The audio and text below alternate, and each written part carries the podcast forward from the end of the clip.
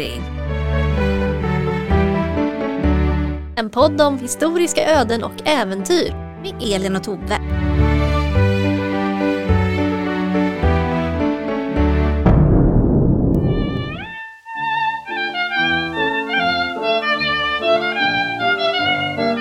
Okej, men då är vi tillbaka Tove. Hej! Välkommen till det här avsnittet av Lappri. Idag blir det ett lite kortare avsnitt. Och vad ska du berätta om, Elin? Ja, men det är ju så här Tove. Det var ju tvunget att hända förr eller senare, så varför inte förr? Ja. Jag pratar naturligtvis om att vi återvänder till Frihetstiden. Och frihetstiden, ja det är ju den där tiden mellan 1718 till 1772 när kungen inte har någon makt utan kan ägna alla sina dagar åt sina tonåriga mätresser eller svarvning eller båda två. Ja, det var bra samman. Det var en väldigt stark sammanfattning. Vi ska börja den här berättelsen i nådens år 1747. Fredrik den förste är kung. Usch. Det är för tillfället fred i Sverige. Vetenskapsakademin får ensamrätt på att ge ut almanackor. Sveaborgs fästning utanför Helsingfors grundläggs. Och året innan föddes för första gången på 64 år en kronprins i Sverige. Det här är alltså ett väldigt bra år. Ja men framtiden ser ju ljust ut. Ja, ja, woho! Men dit vi ska bege oss nu så är det lite deppigt. Jaha, vart, vart då ska vi till något, något sorgligt? Vroom, vroom, vroom. Nu sätter vi oss i tidsmaskinen. Ja. Oj, vad har vi kommit? Det är söndagen den 4 oktober 1747 och vi är i Bromma kyrka utanför Stockholm. Oh, men där har jag varit på bröllop. Det är en fin kyrka. Det är väl en av de äldsta byggnaderna i hela Stockholmsområdet. Man brukar säga det. Medeltid, det är liksom Albertus Pictor på väggarna har jag för mig. Jag har aldrig varit inne faktiskt. Det, men det är säkert inte det på frihetstiden för då var det väl vitkalkat. Säkert, ja. Och sen finns där en väldigt originell tillbyggnad från typ förra året som var väldigt kontroversiell. Vi pratar inte om den. Nej. Nej. Men vi är på frihetstiden, så den finns inte. Så sätt dig längst bak i kyrkan nu och lyssna in lite, för Ja. se om du kan höra vad de säger. Mm, jag lyssnar. Adjunkt magister Willkommen har precis avslutat gudstjänsten när församlingens kyrkoherde, Dr. Justus Christopher Hauswolf, kliver upp i predikstolen och ber sockenstämmans ledamöter att stanna kvar för ett extraordinärt sammanträde inne i sakristian. Okej, ja. Alla följer kyrkoherdens kallelse, inklusive adjunkt Willkommen och kommunister Vigsnell. Mhm. Stämningen är redan något dämpad. Kyrkoherden ser ner i bordet inne i sakristian och harklar sig innan han stillsamt ber Vigsnell att avlägsna sig för tillfället. Och han får gärna stänga dörren efter sig, tack. Okej, så det här är någonting som den här Vigsnell inte ska lyssna på. Det är tyst medan kyrkoherden gnuggar sig i pannan med en utdragen suck. Alla vet vad den här sockenstämman ska handla om. Nej, jag vet inte. Komminister Jakob Claesson Vigsnell. Jaha, har han ställt till med? Till slut tar kyrkoherden till orda, för han vill också veta. Med bedrövelse bekänner han för sina församlingsbor att han önskat slippa ta det steg han nu ska göra, men komminister Wigsnell har till sist tvingat honom. Församlingen vet ju att både kyrkoherden och magister Willkommen i flera års tid försökt att med överseende, böner och skarpa tillsägelser få Wigsnell att bättra sig, att bli en bättre kristen och en värdig Herrens tjänare. Men ingenting har ju hjälpt. Vadå, det är okej, ja, mm, det är någon urspårad snubbe det här. Vigsnell har än en gång, som kyrkoherden uttrycker sig, slagit alla förmaningar i vädret. Åh nej, Vigsnell! Så Dr. Hauswolf möter sockenstämmans allvarliga blickar. Han hoppas att han ska få ärliga svar vid det förhör han nu måste hålla. Men han misstänker att det kommer ta en god stund och kräva en viss myndig men faderlig uppmuntran. Mhm. För socknens invånare, de har skyddat Vigsnell förr. Och om det beror på att de trots allt håller av honom, är rädda för honom, eller om det är av omtanke för hans hustru och små barn, vet kyrkoherden inte helt säkert. Kanske lite av alltihop. Mhm. Men nu förstår nog alla att kyrkoherden inte längre har något val. Vigsnell måste bort. Men vad har han gjort? Vad, vad är det som har hänt? Vad är det här för drama? Den här senaste incidenten gäller ett barnsöl i Riksby och den påföljande söndagen, som till råga på allt var en nattvardssöndag. Okej, så barnöl, är det typ dopfika eller? Dopkalas! Okej, mm. Fast kanske med lite mer öl och brännvin än vad vi brukar ha idag. ja, fair enough. Kyrkoherden, han var inte närvarande varken vid barnsölet eller den här nattvardssöndagen, men ryktet sprider sig snabbt i en liten socken som Bromma. Nu vill han veta precis vad som egentligen hände och allt ska in i protokollet. Oj, oj, oj, oj, oj. Mm. Så kyrkoherden inleder med en enkel fråga och får utan vidare reda på vilka som var närvarande vid detta barn barnsöl hos kyrkvärden Per Andersson i Riksby. Och ja, både kommunister Wigsnell och hans hustru var där. Mm. Nästa fråga blir inte lika lätt att få ett rättframt svar på. Kyrkoherden undrar nämligen om det är sant som han hört, att Wigsnell på detta barnsöl varit full och bråkig. Nej! Åh nej, åh gud vad jobbigt. Oh. Han måste upprepa frågan två gånger och uppmana sockenmännen att inte svara annat än sanningen, innan man till slut medger att jo, det kyrkoherden hört det är sant. Åh. Men eh, när Dr.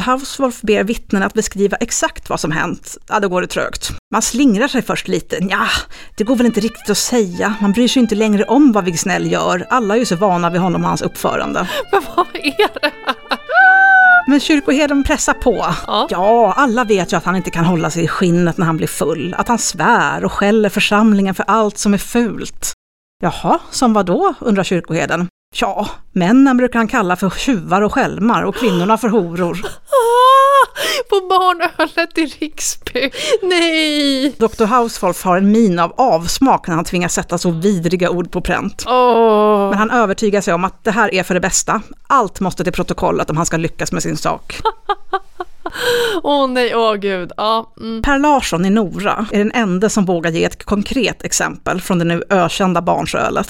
Han och Per Olsson hade suttit på en bänk och språkat Ja. när Wigsnell rest sig från bordet och kommit fram med en kanna i handen. Det var någonting hotfullt i hans kroppsspråk och i blicken han gav dem. nej. Men de här båda Per har blivit rätt bra på att upptäcka varningssignalerna vid det här laget. Ja. Varför super ni inte era kanaljer? Nej! Barnölet i Riksby. Men det är alltså prästen som säger det är jättehemskt. Åh nej, ja. Varför super ni inte era kanaljer? ropade Wigsnell aggressivt. Men Per Larsson var beredd. Istället för att riskera att reta upp Wigsnell ännu mer svarade han “Drick mig till, käre bror”. Ah, de har knep. Och han skålade med Wigsnell, vilket fick honom att blidkas. För stunden. Men kan... Och, och vad hemskt. Ja, mm. Alla sockenmännen mumlar och nickar. Och det är så man måste tas med Wigsnell om man vill hålla friden. Mm, mm. Dr. Hauswolf lutar sig tillbaka i stolen med en suck. Inget av det han hör förvånar honom, för han har hört precis samma visa förr och mer än en gång. Så varför blir han ändå besviken och bedrövad? Åh. Men för formens skull måste förhöret fortsätta. Så han frågar sockenstämman om Wigsnell alltid beter sig så illa på de ställen dit han kommer för att uträtta sitt prästerliga ämbete. Och man svarar att han visserligen varit beskedlig i en period, men att han dessvärre på sista tiden återigen varit tokig och sällan annorlunda. Tokig och sällan annorlunda. Åh, det, om jag hade varit kung så hade det stått på enkronorna. Och det är inte för att man inte försökt, men när man med böner och föreställningar ber Wigsnell att hålla upp med sitt oskick, ja då vill han bara slåss. Alltså, fy vad sunkigt.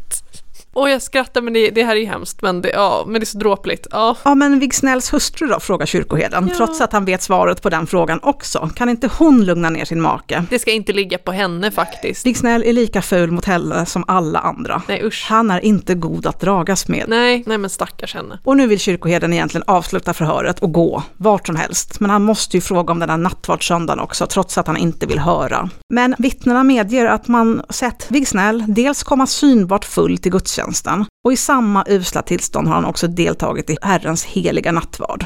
Och nu vill ju kyrkoherdens hjärta nästan brista och det är med största ansträngning han lyckas svälja gråten. Nej. Ja, men blev inte församlingen förargad av att se ett så gruvligt brott förövas, undrar han med grumlig röst. Nej men man får faktiskt inte supa i kyrkan. Det, mm.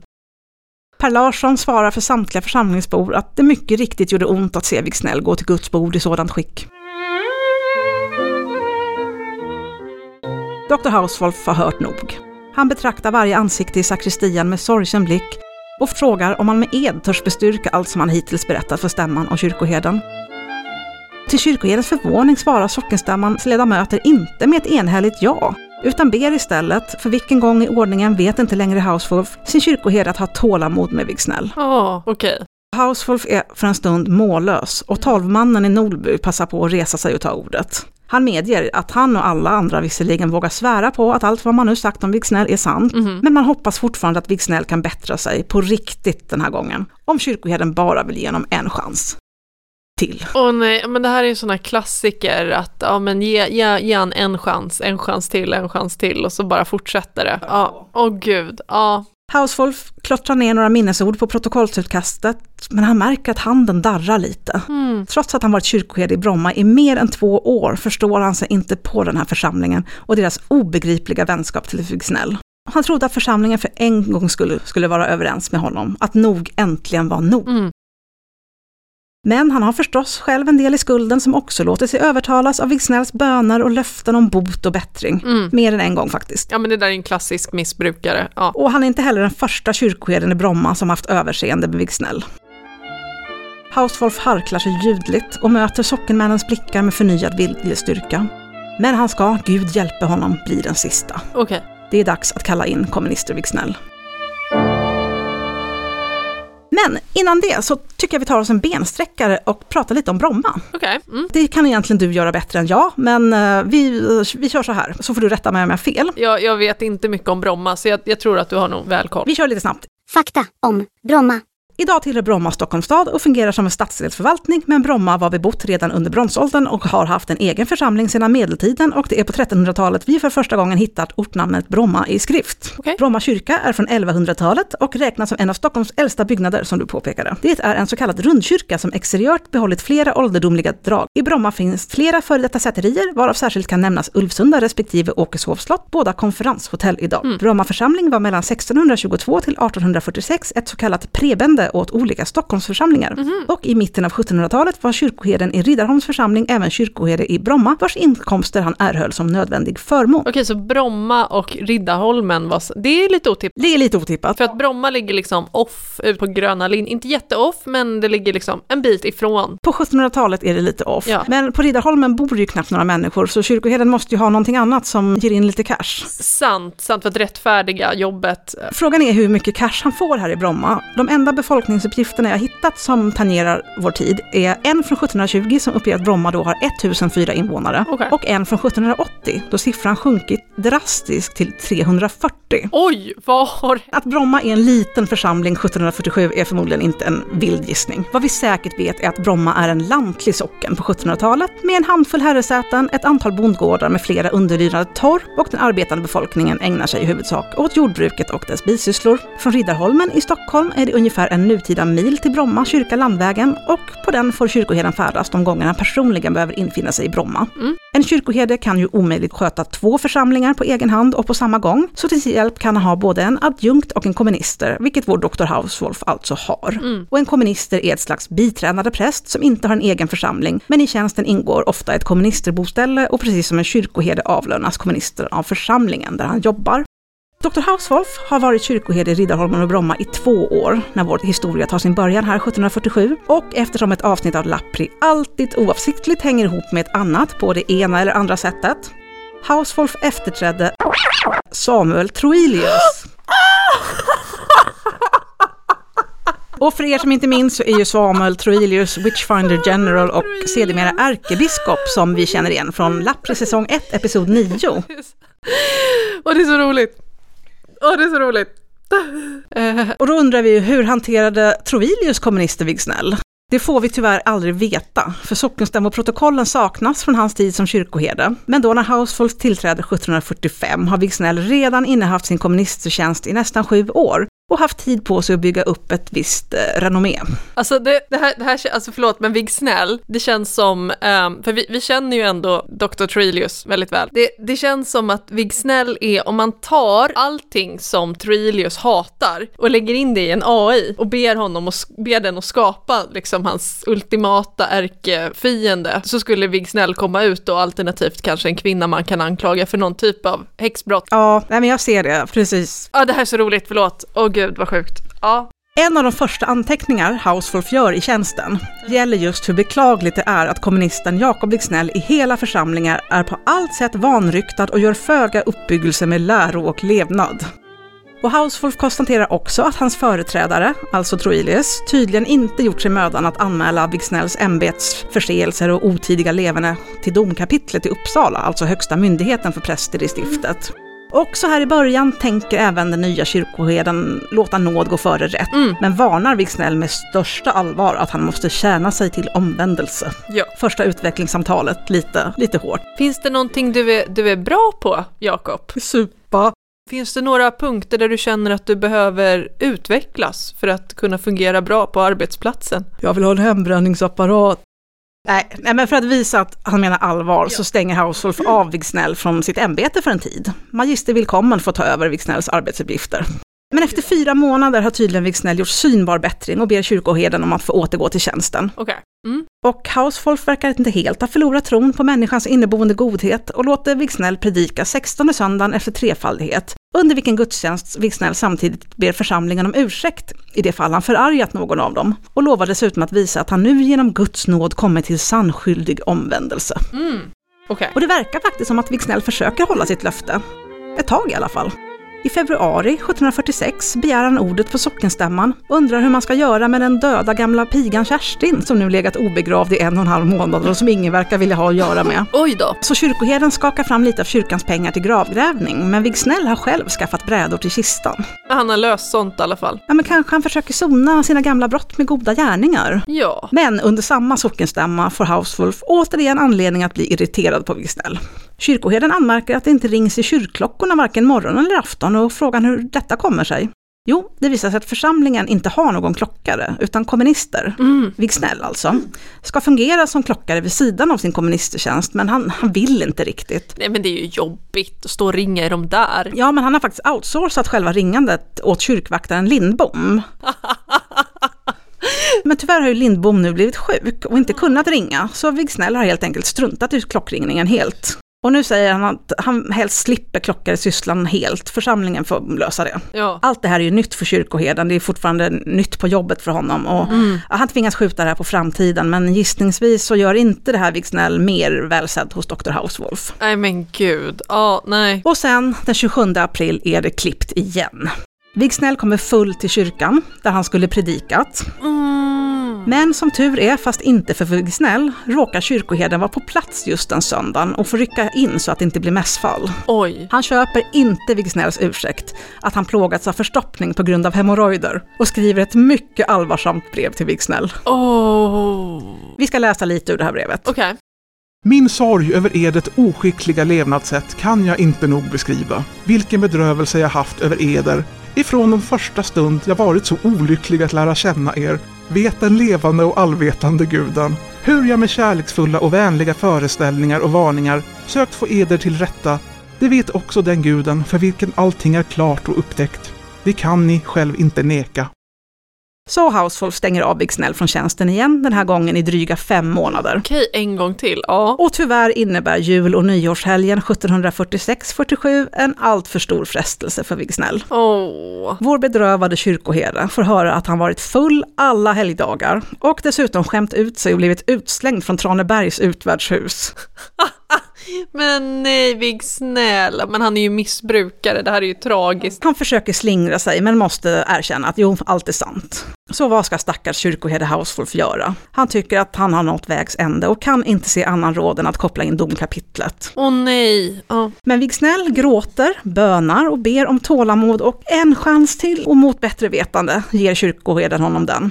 Men han törs inte anförtro husförhören åt Wigsnell, utan än en gång får magister Willkommen göra hans jobb. Ja, ja, men det där är ju, det där är ju också sån här klassisk eh, missbrukarteknik att ja, men en chans till får jag, jag lovar. Den här gången. Nu gör jag det på allvar. Och sen är vi framme där vi började, hösten 1747 med barntrölet i Riksby och nattvardsgången som blev halmstrået som knäckte kyrkoherdens rygg, tålamod och välvilja.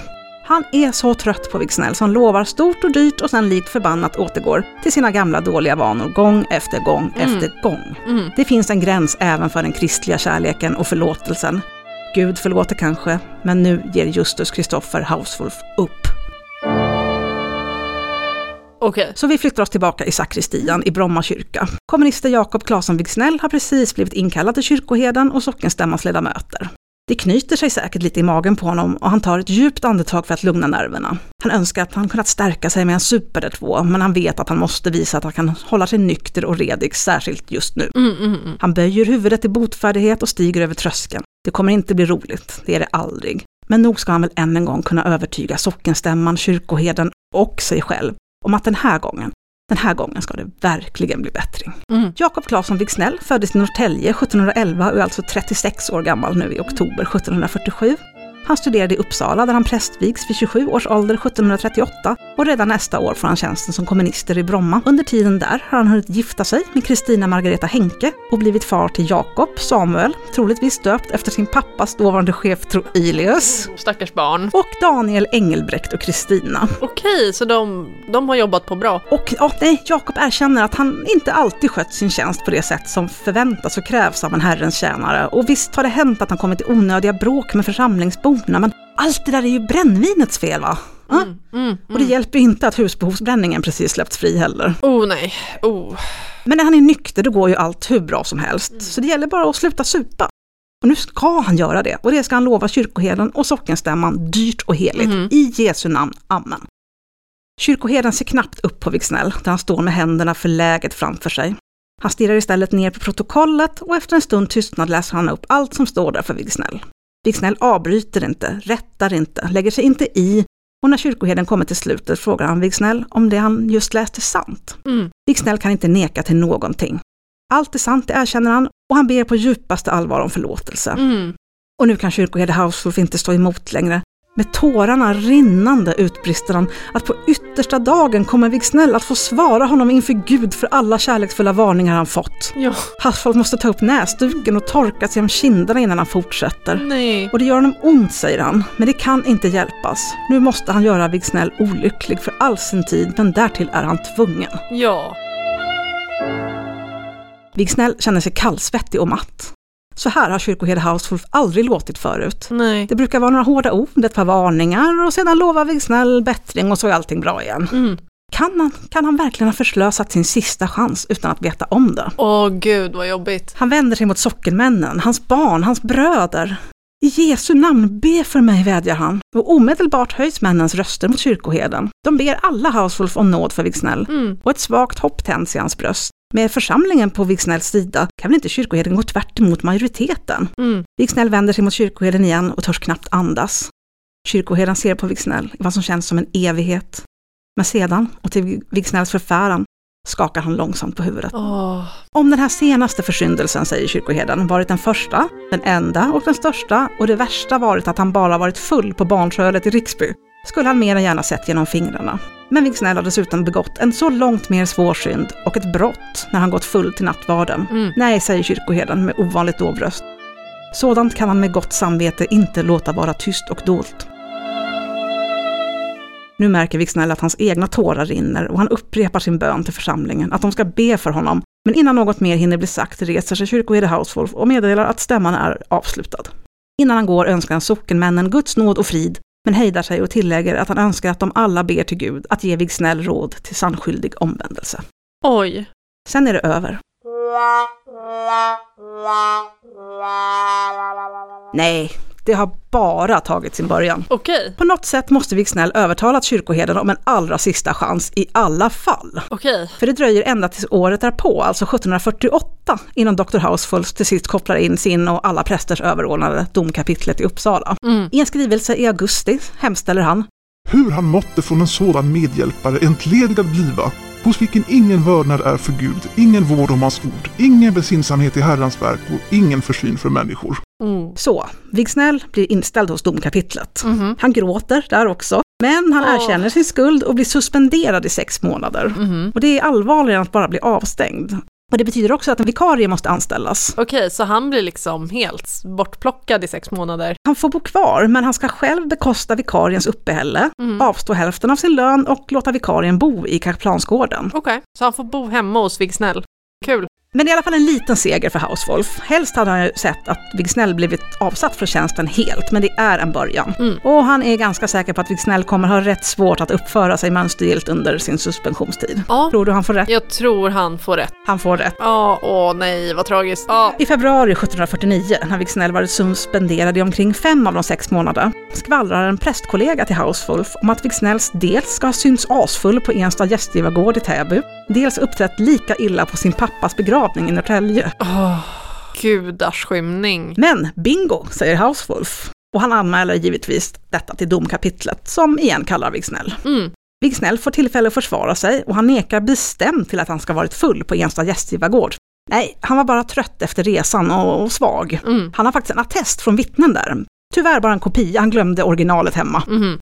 Domkapitlet köper inte Wigsnells försvar Mm. och de väljer att två sina händer för stunden. Båda incidenterna i Ensta och begravningen i Norrtälje måste undersökas av världslig rätt och Wigsnells suspensionstid förlängs då tills denna rätt gjort sitt utslag. Okej. Jag känner inte brottsrubriceringarna här. Att vara full är ju inte ett brott i sig, enligt Nej. 1734 års lag. Mm. Men att komma full till kyrkan och nattvarden, Ja. det är brott. Det har jag faktiskt släktingar som har fått böta för. Eh, om man tittar i släktforskning att de har. Det måste vara extremt vanligt. Ja. Och att svära är ett brott i många sammanhang. Mm. Och om Wigsnell nu verkligen varit så full i Täby och Norrtälje som vittnena påstår så är det kanske inte heller så långt söt att anta att han svor och härjade lite där. Mm. Men vi vet inte mer än så. Nej. Men nu har faktiskt Wigsnell någonting att säga till domkapitlet. Okej. Han kontrar med att han hellre vill bli helt entledigad från sin komministertjänst i Bromma.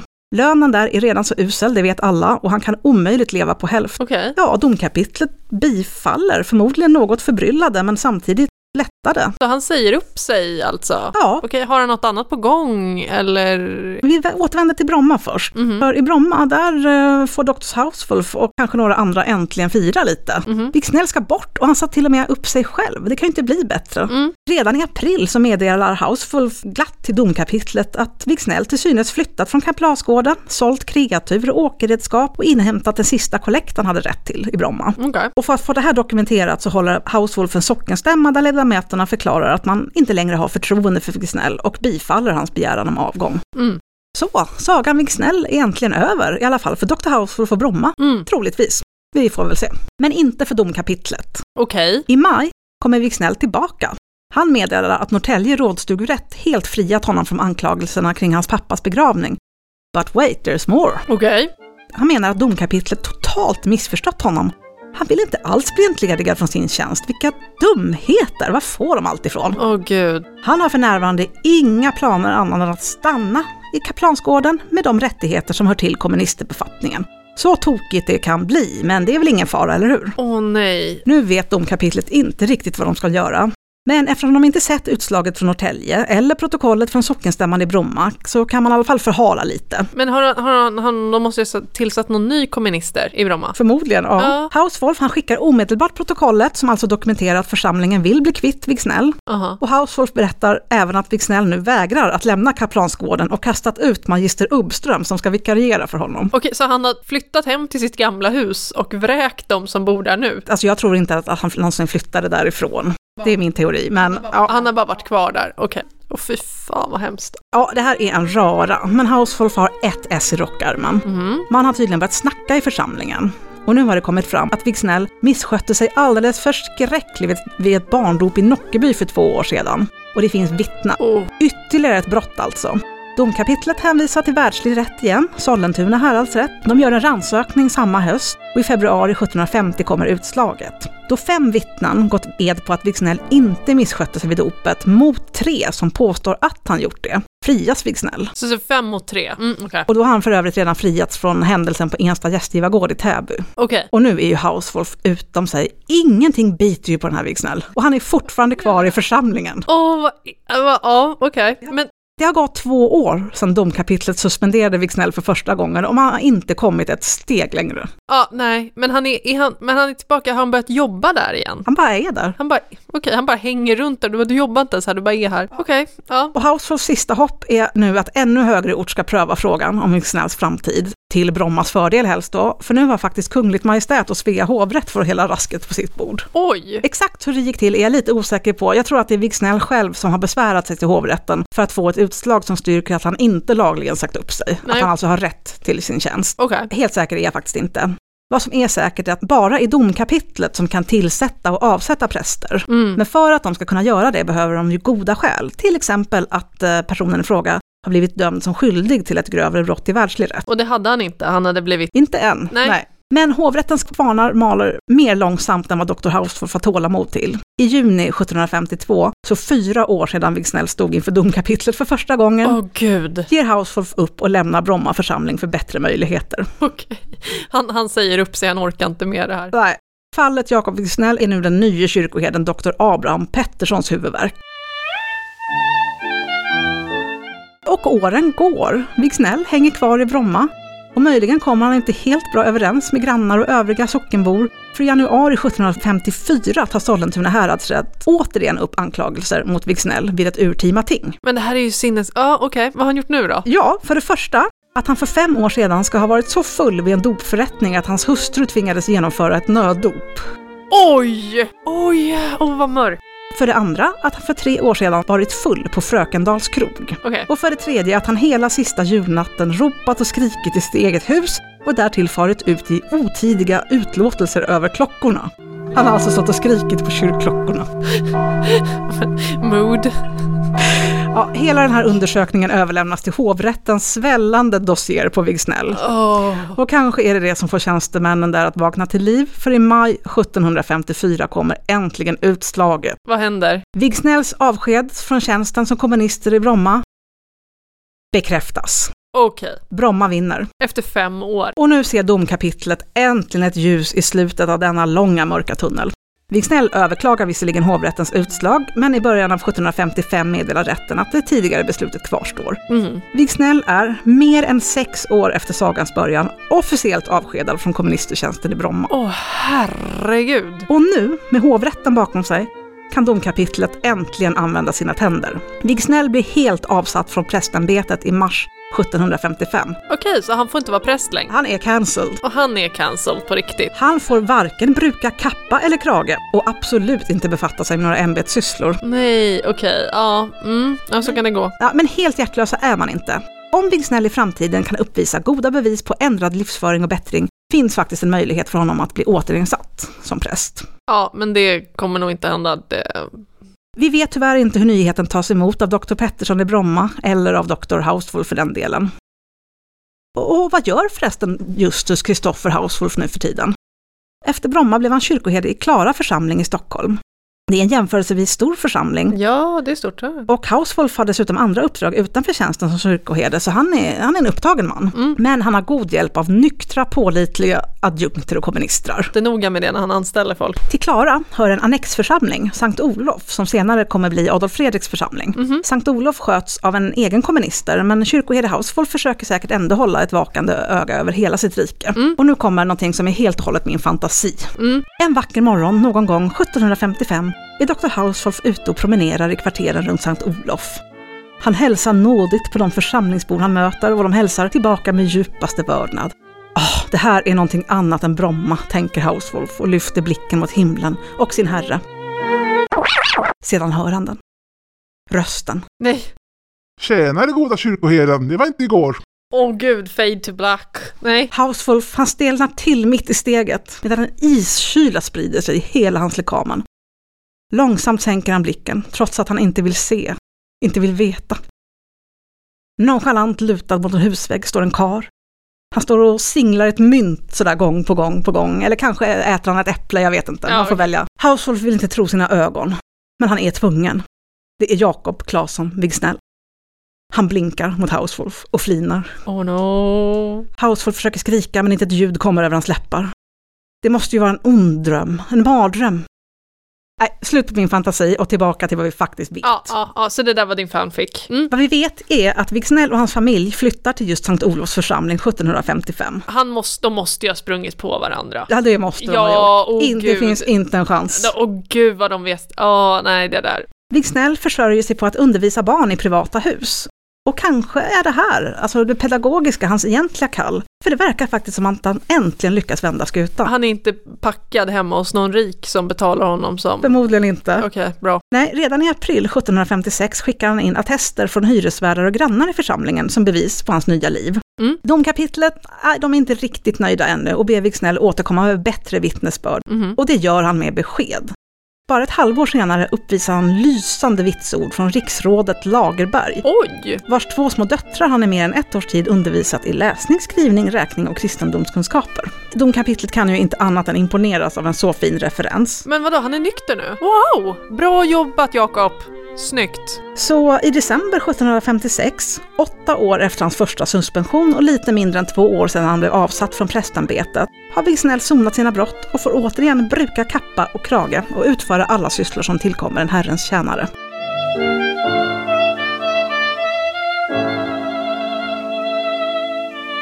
Sina sista år är Wigsnell enligt uppgift skolmästare i Sankt Olofs församlingsskola. Av mantalslängderna från 1760 framgår dock att han för fattigdoms skull är befriad från skatt. Och samma år tackar han nej till ett komministervikariat på grund av en långsam sjukdom. Mhm. Och kanske är det den som ändar hans liv, för tre år senare, så 1763, kallas Jakob Claesson som Vigsnäll 51 år gammal. Upp till högste chefen för det slutliga utvecklingssamtalet och där tar sagan Vigsnäll till sist slut.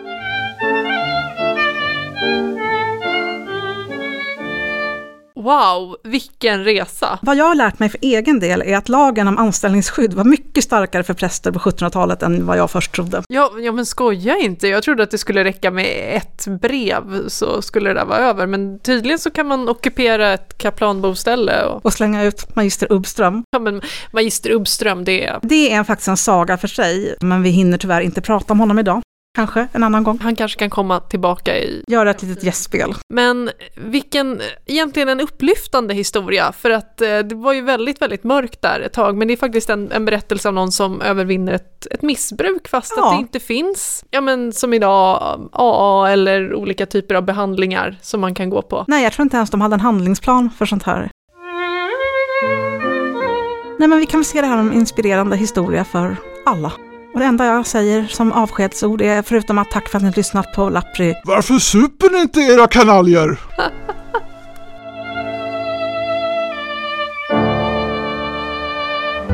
Ni har lyssnat på Lappri, en podd om historiska öden och äventyr. Vi som har gjort podden heter Elin och Tove. Ni kan följa oss på Instagram på lappripodd, besöka oss på lappripodd.se och om vi hade väldigt fel kan ni mejla oss på lappripodd.gmail.com.